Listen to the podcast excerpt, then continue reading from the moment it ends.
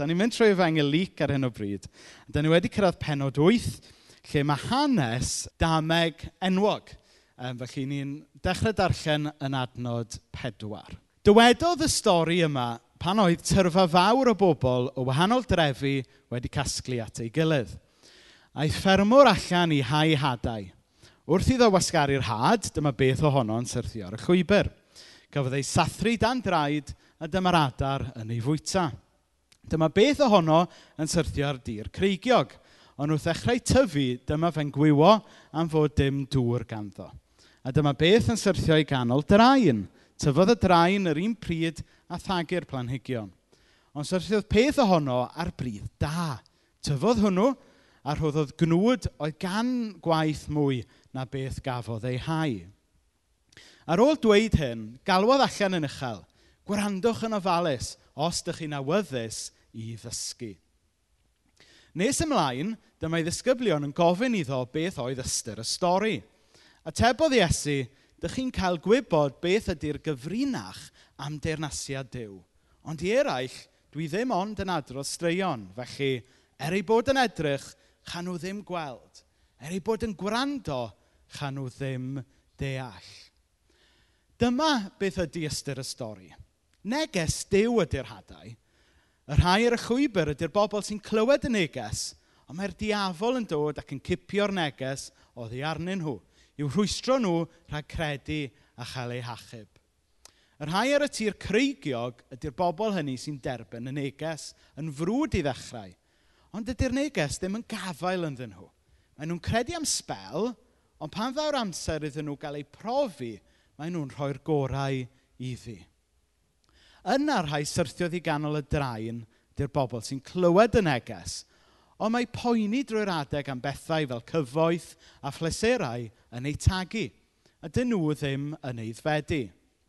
Ond yr hadau syrthiodd i bryd da ydy'r bobl hynny sy'n clywed y neges ac yn dal gafael i'r diwedd. Pobl sydd â chalon agored ddidwyll. Mae'r effaith ar eu bywydau nhw fel cnwyd anferth. Nawr, beth sydd gyda ni fan hyn ydy dameg. Dyma un o'r ffyrdd oedd Iesu yn dysgu pobl yn ystod i weinidogaeth e ar y ddeiar. A cyn i ni fy mlaen, mae, mae eisiau gwneud y pwynt. Da ni weithiau yn meddwl am damhegion, just fel rhyw fath o, just fel rhyw moral lessons bach sydyn. Chyfo? Fel rhyw fath o wers bach sydyn sy'n dysgu ni ynglyn â sut mae byw. A falle bod ni yn euog o slipio i'r trap yna. Mae jyst rhyw, sori fach neis, na ni, os ni fyw fel hyn, na ni popeth yn iawn. Ond be mae'r ddameg yma, fel pob dameg arall yn dweud, yw dydy damhegion ddim yn bennaf ynglyn â sut mae byw. Mae ynglyn â yr un sydd yn rhoi bywyd i ddechrau. Da ni falle yn gallu mynd rhoi'r cart o flaen y ceffil a meddwl, o reit, sut da ni yn gallu byw? Wel, y peth cyntaf ydy dod i adnabod yr un sydd yn rhoi bywyd i ddechrau. Os da ni mynd i drio neu sens o'r ddameg yma a pob dameg arall ynglyn a be mae Iesu'n dweud, y cwestiwn cyntaf yw, a da ni wedi gweld arwyddocad yr un Iesu sydd yn dysgu y wers i ddechrau. Chos fi'n gwybod pan o'ch chi yn ysgol neu yn coleg neu, neu beth bynnag. A falle oedd rhai gwersi yn fwy diddorol na'i gilydd. A weithiau, o'ch chi dim ond yn deall beth oedd yr athro yn dweud pan oeddech chi i ddechrau'n getio'r athro. A dwi'n cofio hwnna'n digwydd, na i ddim enwi'r athro, achos oedd rhai ohonych chi yn mynd i'r un ysgol â fi. Ond chyfa, just, oh, what is he on about? A wedyn, nwch chi'n dod i adnabod yr athro a deall beth sydd yn cyffroi yr athro, deall calon yr athro, mae wersi fe wedyn yn dechrau gwneud sens. Chi'n eich beth sydd gyda fi? A dwi'n meddwl bod hwn yn wir ynglyn â'r damhegion. Allwn ni dim ond gwerfarogi damhegion Iesu os fyddwn ni yn gyntaf wedi adnabod a deall calon yr athro sydd yn dweud y gwersi fel petai. Oedd Iesu yn dysgu mewn ffordd hollol wahanol i holl athrawon arall i gyfnod. O'r rhan fwyaf o athrawon uh, amser y Beibl, oedden nhw'n dod o'r traddodiad groeg. Oedden nhw'n, oedden nhw'n llawn intelect, oedden nhw'n llawn syniadau i'r meddwl, oedden nhw'n llawn... Mae pobl yn dweud um, weithiau am rhai pregethwyr bod nhw wedi cael gormod o goleg. a, a mae hynna wir, dwi'n meddwl. A, a bysa hwnna'n wir am lot o athrawon yn yn amser uh, Iesu. Oedd, oedden nhw'n wastad yn mynd ar ôl uh, y meddwl fel petai.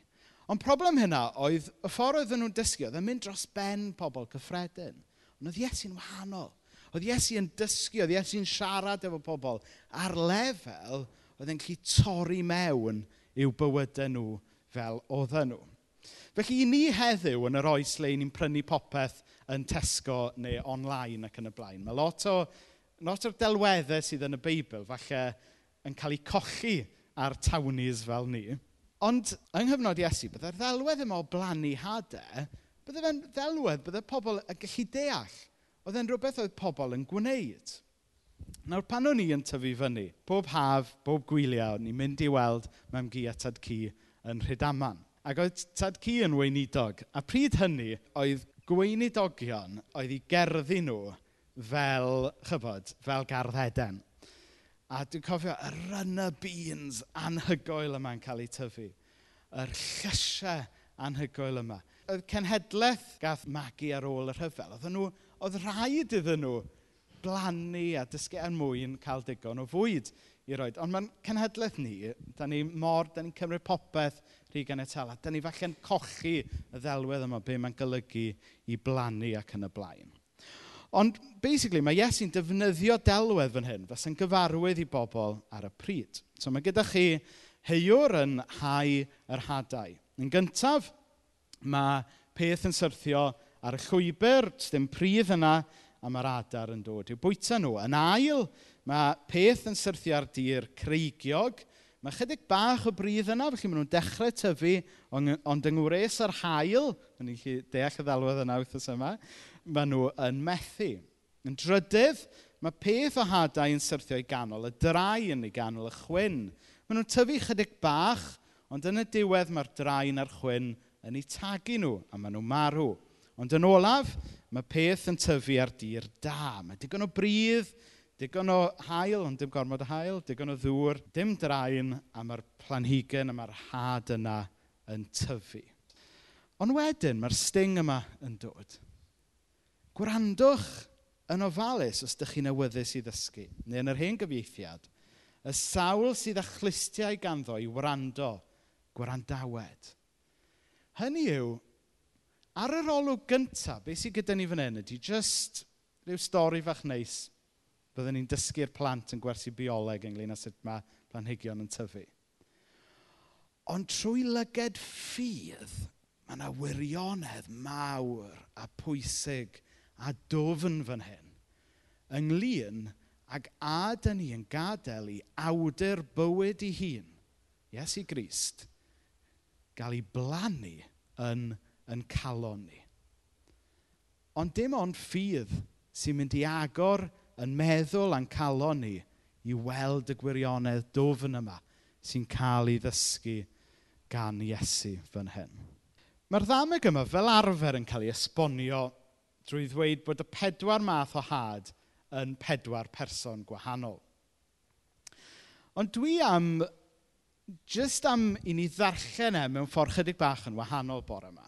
Tybed ydy'r pedwar math gwahanol yma actually'n gallu bod yn pedwar gwahanol len yn bywyd ni fel unigolion.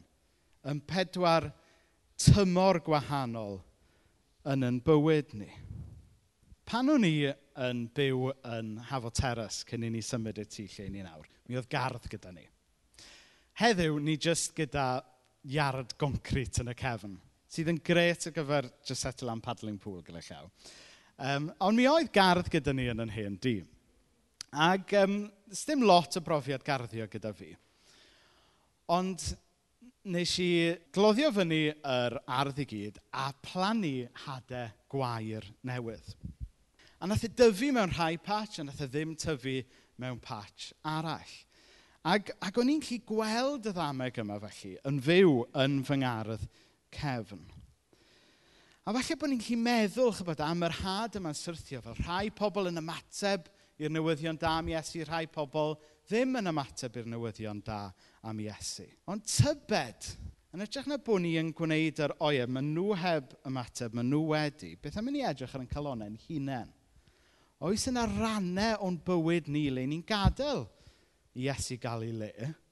Ond tybed oes yna rannau eraill o'n bywyd da ni ddim yn gadael i Iesu gael ei le. So dyna yw'r her gyntaf sy'n codi i fi. Nawr, yr ail her sy'n codi ydy'r busnes yma o wreiddio yn ffydd. A'r tybed ydych chi wedi mynd i Morrison's neu Tesco neu be bynnag a, a prynu herbs mewn pot. Okay? Chyfwch chi'n gallu prynu rai wedi chopi barod a prynu rai mewn pot. A wedyn mae'n deud ar y pac, chyfo, i chi ail blannu fo mewn pot. Mwy yn dydy. Ond os ydych chi fel fi, ydych chi actually beth yn neud hynny. A wedyn ar ôl wythnos, mae'r syniad amazing yma o brynu'r herbs yma i gyd. Mae wedi mynd yn ddim byd. Pam? Achos bod dim gwreiddiau gyda nhw. A tybed ydyn ni'n gallu bod un peth gyda yn bywyd ni, un peth efo'n ffydd ni. Ydy ni wedi plannu gwreiddiau dofn i'n ffydd ni? Neu tybed ydy'n ffydd ni jyst wedi adeiladu ar draddodiad? Tybed ydy'n ffydd ni wedi i adeiladu ar jyst y ffaith bod ni'n licio canu caneuon gyda'n gilydd? Tybed ydy'n ffydd ni jyst wedi dod allan o jyst arfer? Neu ydy'n ffydd ni wedi blannu go iawn yn Iesu? Achos pan mae bywyd ni'n cael ei ysgwyd, dydy traddodiad, dydy licio canu ymynau, dydy jyst arfer ddim yn gallu'n dal ni pan mae pethau yn dod. Ond os ydy'n ffydd ni we, gyda gwreiddiau yn Iesu hun, fe wneith y sefyll wedyn pan mae pethau yn codi mewn bywyd. Y trydydd thing, yr chwyn a'r draen yma sy'n tagu'r twf.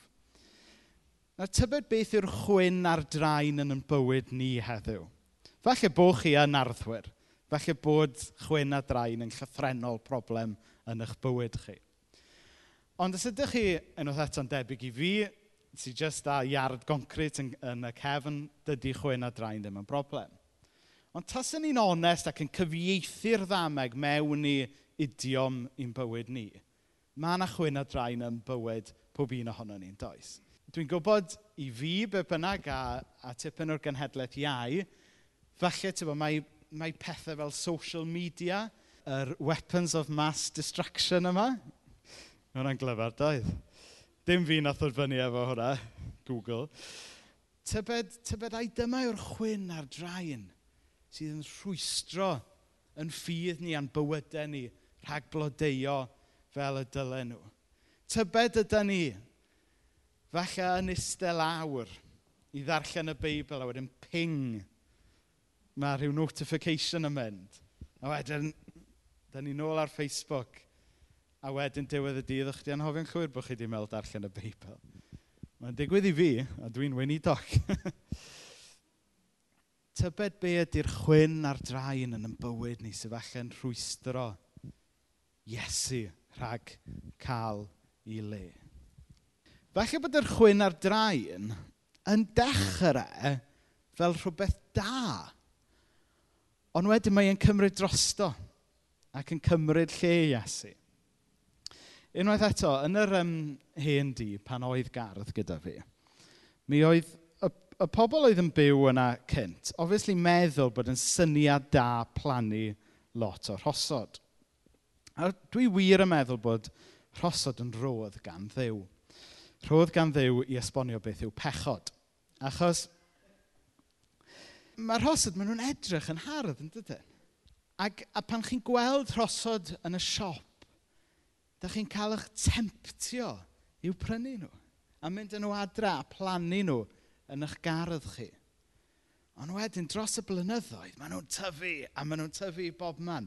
A maen, a maen nhw'n a mae yna fel thorns arnyn nhw. A chi'n trio cadw nhw dan rheolaeth, a wedyn maen nhw yn ennill, a wedyn ma'ch jyst eich dwylo chi yn mash chwyr. Mae wedi digwydd i fi. A falle bod hwnna'n yn ddelwedd o sut mae'r chwyn a'r draen yma, sut mae pechod falle'n gallu cychwyn fel rhywbeth dan yn bywyd ni. Falle, rhyw swydd newydd oeddech chi wedi gobeithio amdano, ond yn sydyn reit mae'n cymryd drosto a mae'n rheoli'ch bywyd chi. Falle yn rhywbeth da fel, na, dwi ddim, ddim yn ei enwi mwy, yn, tywa, chi sy'n gwybod beth yw'r her i chi. Mae yna bethau sy'n gallu bod yn dda. Actually, na i ddweud hyn, achos dwi'n dad. Mae hyd yn oed plant yn gallu cymryd drosto. A mae plant yn dda, mae cadog yn gorgeous, yn dydi? Mae'n poeni fyna.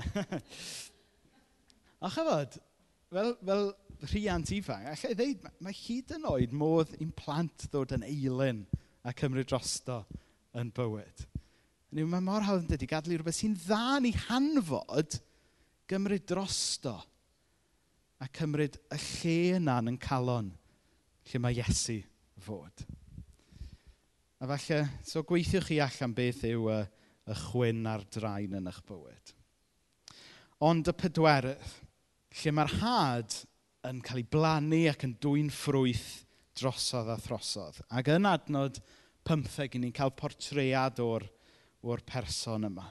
A'n gweddi ni yw bod ni gyd yn Iesu yn dod i'r lle yma. Ond yr hadau syrthiodd i bryd da, ydy'r bobl hynny sy'n clywed y neges ac yn dal gafael i'r diwedd. Pobl sydd â chalon agored ddidwyll. Mae'r effaith ar ei bywydau nhw fel cnwyd anferth. So nodweddion y person yma, yn gyntaf bod nhw'n clywed y neges, yn dyfa? Bod ni a ffydd jyst i glywed be mae Iesu yn dweud wrthyn ni. Bod ni a meddyliau bod ni a calonau agored i glywed gair dew. Bod ni yn rhoi gofod yn ein bywyd i glywed gair dew. Yr ail nodwedd, mae'r person yma yn dal gafael i'r diwedd.